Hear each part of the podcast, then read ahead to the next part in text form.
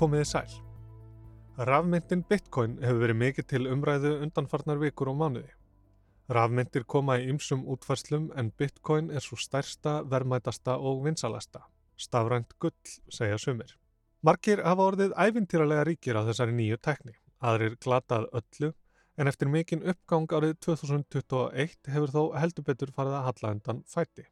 Bitcoin náði hæstu hæðum í november í fyrra þegar gengið var tæpir 70.000 dólarar fyrir hvert bitcoin en í dag stendur það næri 17.000 dólarum sem erkir 75% fall.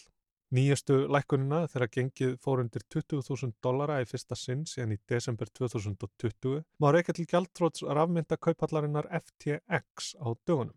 Það hafði í för með sér rýrnandi traust bæði almennings og fjárfesta á rafmyndum en einnig umhverju þeirra og gildi.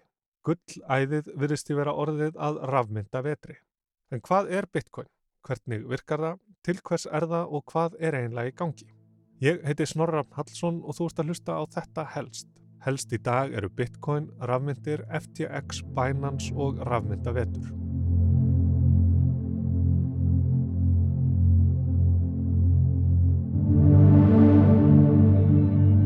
Bitcoin er rafmynd rafmyndana, enda svo fyrsta sem leið dagsins ljós.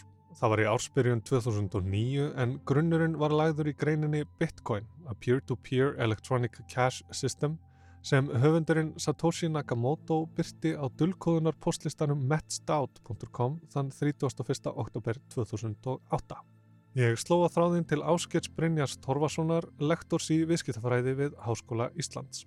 Hugmyndin upphafla ef maður byggir á þessum pappir kvítbókin og bakvið bitcoin sem að, var skrifuð 2008 að, að það átti að búa til einhvers konar síndarmynd eða til greiðslu á, á internetinu.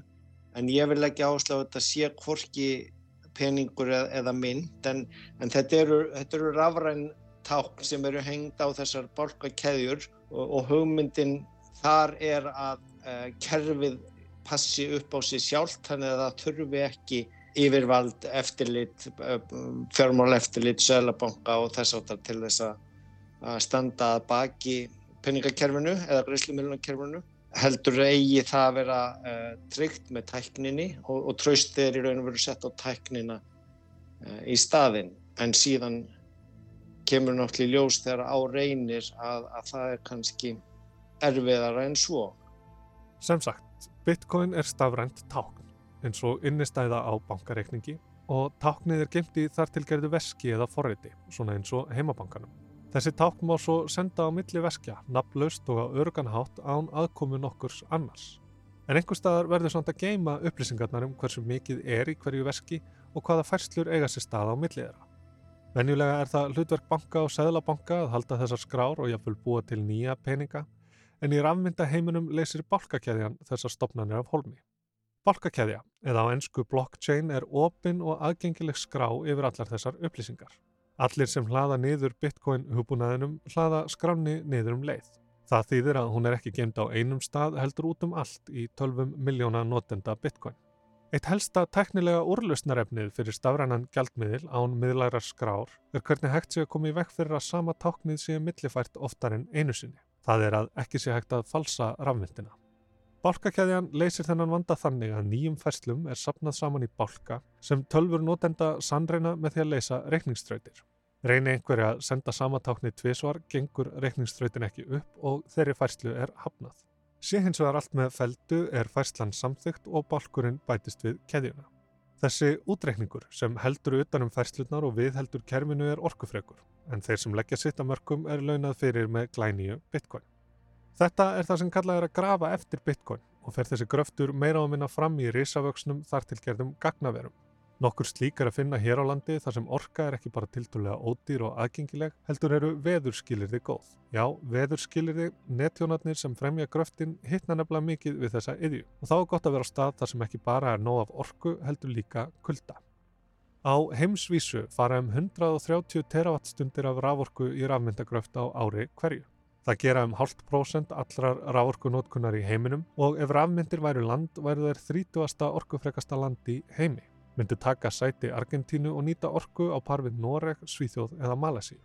Áætlað er að á næsta ári muni hérlend gagnaver fá 1250 gigawattstundir beint frá flutningskerfinu. rúmlega fjórðung þess sem Káranhjúkavirkjun framleiðir á ári. Hver stort hlutvallið er sem fer í rafmyndir er ekki á hreinu en samkvæmt upplýsingum frá landsvirkjun fyrra á árinu fer svo starfsemirinnar dvínandi. Landsvirkjun selur hvorki nýjum nýja gömlum viðskiptavinnum ráorku til rafmyndagraftar og sennilegt að gagnaverin leiti frekar á stöðuðri miði starfsemi sinni nú þegar rafmyndir hafa lækkað mikið í verði og aðgengi að orku er ekki eins örugt og áður. Í öllu falli, Bitcoin er rafmynd, ætluð til nafnlausrar, örugrar og dreifðrar greiðslumilunar á netinu án aðkomu stopnana. Tæknin sem gerir það mögulegt er bálkakæðjan sem er dreifin og treyð af netþjónum í gagnaverum um allan heim. En í hvað er hægt að nota Bitcoin? Með öðrum orðum til hvers er Bitcoin? Fyrstum sinn var Bitcoin í raun bara tilraun. Áhuga fólk um dullkóðun og stafræna peninga skiptist á Bitcoin sín á milli aðalega í þeim tilgangi að sína fram á að tæknin virkaði. En notagildið var raunar lítið sem ekkert. Í raun var ekki hægt að kaupa neitt fyrir Bitcoin fyrir en síður á myrka vefnum eins og Silk Road fóru að taka við Bitcoin í skiptum fyrir vopn, eiturlif, ólöglegan varning og vægast sagt vafasama þjónustu. Því ólíkt hefbundnum bankareikningum eða greiðslukortum er ekki svo auðveldlega hægt að tengja tiltekið Bitcoin-veski við nafngreinanlegan einstakling. Þetta ævintýri varði þó stutt og hefur Bitcoin ekki ennað að festa sig í sessi sem gjaldmiðl. Það var þó stórt skref fram á við þann 24. mars í fyrra þegar rafbílaframlegandin Tesla fór að taka við greiðslum fyrir bíla í Bitcoin. Fyrstum sinn var það einungis mögulegt í bandaríkjunum en stemt var á að önnurlönd fylgdu í kjölfarið. Sjö vikum síðar, þann 13. mæ, sendi Tesla svo frá sér aðra tilkynningu. Starting today, Tesla will no longer accept Bitcoin as payment to purchase a car. That's according to the company's CEO, Elon Musk. He says he made the decision to drop the cryptocurrency over environmental concerns. Bitcoin is mine. Umhverfi sjónamið reyðu ákvörðun Tesla um að hætta að taka við Bitcoin. Ekki þótti rétt að taka við afurð yðnaðar sem árið 2018 losaði 22 miljón tonn af koltvísýringi út í andrumsloftið. Látum liggja á milli hluta hvert sótspór hefbundinar verðmætasköpunar er en Tesla seldi megnið af bitcoin eigum sínum í kjölfarið. In a 2018 study by the Institute of Technology, the mining process contributed to more than 22 million tons of carbon dioxide per year. Ásgeir Brynjar vill ekki fallast á að bitcoin eða aðra rafmyndir séu raunverulegir peningar. En auðvitað er þetta vist ígildi peninga en, en hins vegar ekki kannski mjög ekki mjög gott í gildi peninga en maður er að hugsa um peninga í hefðbundum skilningi. Almennt er hlutverk peninga skilgreint á þrýþættan hátt. Í fyrsta lagi að vera skiptamiðl, eitthvað sem eitthvað annað fæst fyrir. Rafmyndir hafa ekki náða að hasla sér völl á þessu sviði. Verðið sveiplast of mikið til þess að almennar vestlanir séu tilbúnar að taka við rafmyndum í skiptum fyrir vörur eða þjónustu, auk þess sem færslukerfið er afar hægvirt. Það getur tekið alltaf eina og halva klukkustund að staðfesta hverja færslu. Vegna þess hver verðið sveplast mikið er Bitcoin varðla góð geimsla fyrir verðmæti sem er annað hlutverk peninga. Og svo er þriðja hlutverk peninga náttúrulega að vera einingin fyrir uppgjör og bókald eh, og, og, og skatta og ásreikninga og, og það náttúrulega mun aldrei verða í formi einhvers konar síndarmyndað. Rafmyndir hafa því helst fest sig í sessi sem viðfang fjárfestinga og þar koma FTX og Binance sem minnst var á hér í upphafið þáttar til sögu. Binance og, FTX eh, eru sagt, svona miðlunar fyrirtæki eða staðurinn þar sem þú kemst úr raunheiminum með alvöru peninga, gjaldmiðl landsins sem þú byrði yfir í síndarheimin til þess að kaupa síndarregn eins og bitcoin eða einhver aðra einhver önnur tákn eða merki. FTX var önnur stærsta rafmynda kaupallin, stopnuð árið 2019 af hinnum þá 27 ára gamla Sam Bankman-Fried. Vinnseldir FTX voru ekki sístil komnar vegna þess að FTX bauð upp á áhættu samari og þá um leið mögulega ábata samari rafmynda afleiður en margir keppinautana. Rafmynda afleiður eru veðmál um hvort gengi tiltekinar myndar muni hækka eða lækka innan ákveðins tímarama. Og með þeim má græða og tapa stórt, hvernig sem gengið sveplast svo lengi sem maður veðjar rétt. Þar að auki bauð FTX upp á 8% ávöxtun á öllum innistæðum, það á meðan stýrivextir voru í algjöru lámarki á heimsísu. Meiri hluti rafmyndaviðskipta í heiminum fóri gegnum FTX og helsta keppinautin Binance, sem var þó einn af stærstu upprunalegu fjárfæstunum í FTX. Bæði fyrirtækin byggðu viðskipti sína á þessum áhættusömu afleiðum sem eru bannaðar á mörgum stöðum í heiminum en með því að koma sér fyrir á svæðum þar sem eftirlit og reglugerðir eru í lámarki komust þau til dæmis fram hjá fjármála eftirliti bandarækjana. Í mæ á þessu ári hríðfjall rafmyndamarkaðurinn og tveir þriðju hlutar verðmætana gufuðu upp. Fjárfestar höfðu dreyið sig úr áhættusamari fjárfestingum vegna hækkandi vaksta, verðbolgu og óvissu í fjármála heiminum sem varði kjölfar innrásar rússa í Ukrænu. Margir smærri rafmyndamiðlarar lendu í greiðslugetu vandræðum í kjölfarið og gáttu fjárfestar ekki leist út innustæður sínar. En FTX kom þeim til bjargar, keftið á upp og treyði vissan stöðuleika fram á við. Þetta fekk bankmann frít á sig ljóma rafmynda bjargvættar Hann kom fram í ótal viðtölum og tókst að sannfæra fjölmiðla og fjárfesta um snilligáfi sína. Í heimið þar sem svik og svindl eru daglegt brauð var bankmann frít ábyrgur og áreðanlegur. Snillingur sem ekki bara læði sitt að mörgum heldur breytti út bóðskapin. En svo heyram á í FTX auðlisingunni þar sem engin annar en ameríski fókbaltakappin Tom Brady sæði öllum og ömmu sinni að fjárfesta er afmyndum á FTX. Yeah, we would. You're right, we would. What's up? I'm getting into crypto. With FTX. You in? What we're providing gives 360 degree access to the crypto markets with the ability to trade everything from alts to DeFi. I believe I'm in, but still hate you. Understood. Take care. Best of the family. Is he in? Yep. Did he say he hates you? He did. Even on the phone, that guy sounds handsome. Þann 1. júni bættist Sam Bankman-Fried svo í hóp þeirra miljardamæringa sem hafa skrifað undir The Giving Pledge en það felur í sig lofordum að þorri auðs þeirra skuli renna til góðgerramála.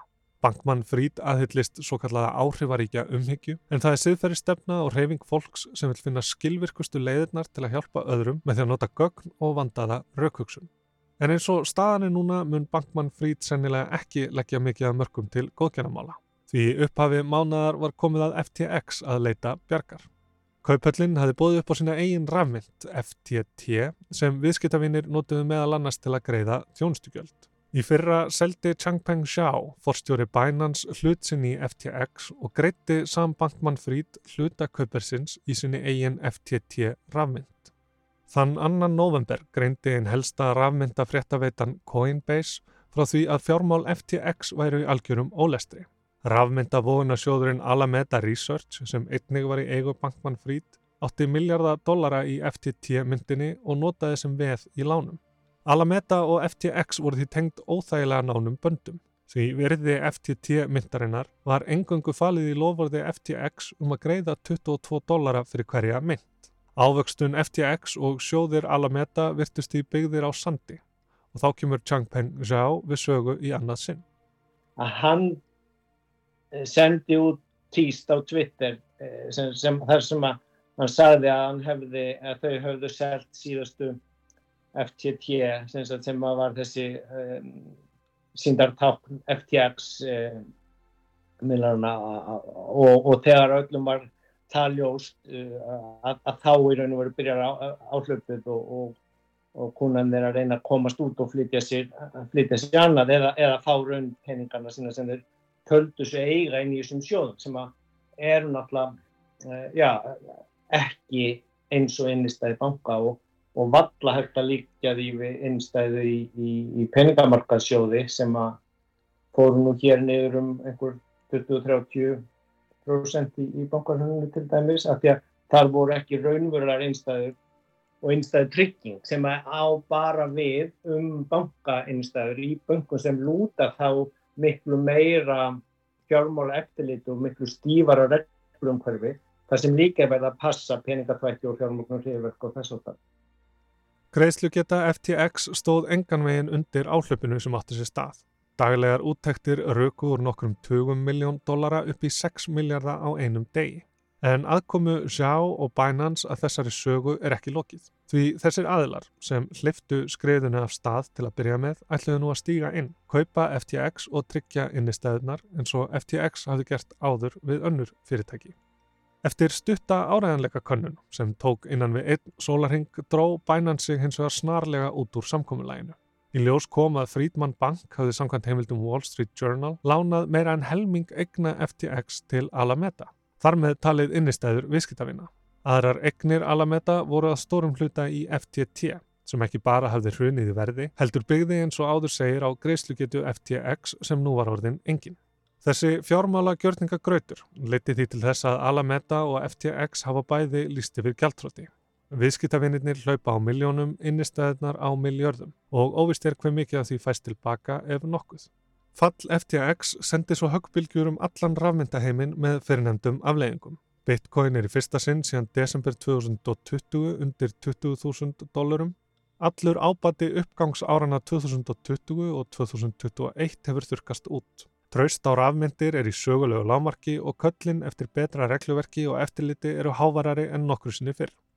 Sér setja einn svona kallað Champagne Sacco, hann að fórsturinn í Binance, að hann er með þess að hann að kalla eftir þið þurfið að setja meiri reglugerðar umhverfu utanum okkar viðskipti af því að, að, að núna verða mönnum þar ljóst kannski að, að það er í raun og veru bara með því sem að þeir ná að halda traustinu og trúarleikan og gagvart konunum sínum, annars, annars er hægt á þetta smittist á milli allra þessara raftákna og milli allra þessara mismunandi miðlara. Og, og, og þá er náttúrulega fljótt að leka úr bólni og, og virði bitcoins eða, eða þessa síndarheims verður þá afhjúpað líklega eins og Kristína Lagarde, selabankastjóri í Evrópu, sagði í vor að það væri um það byrj ekki neitt.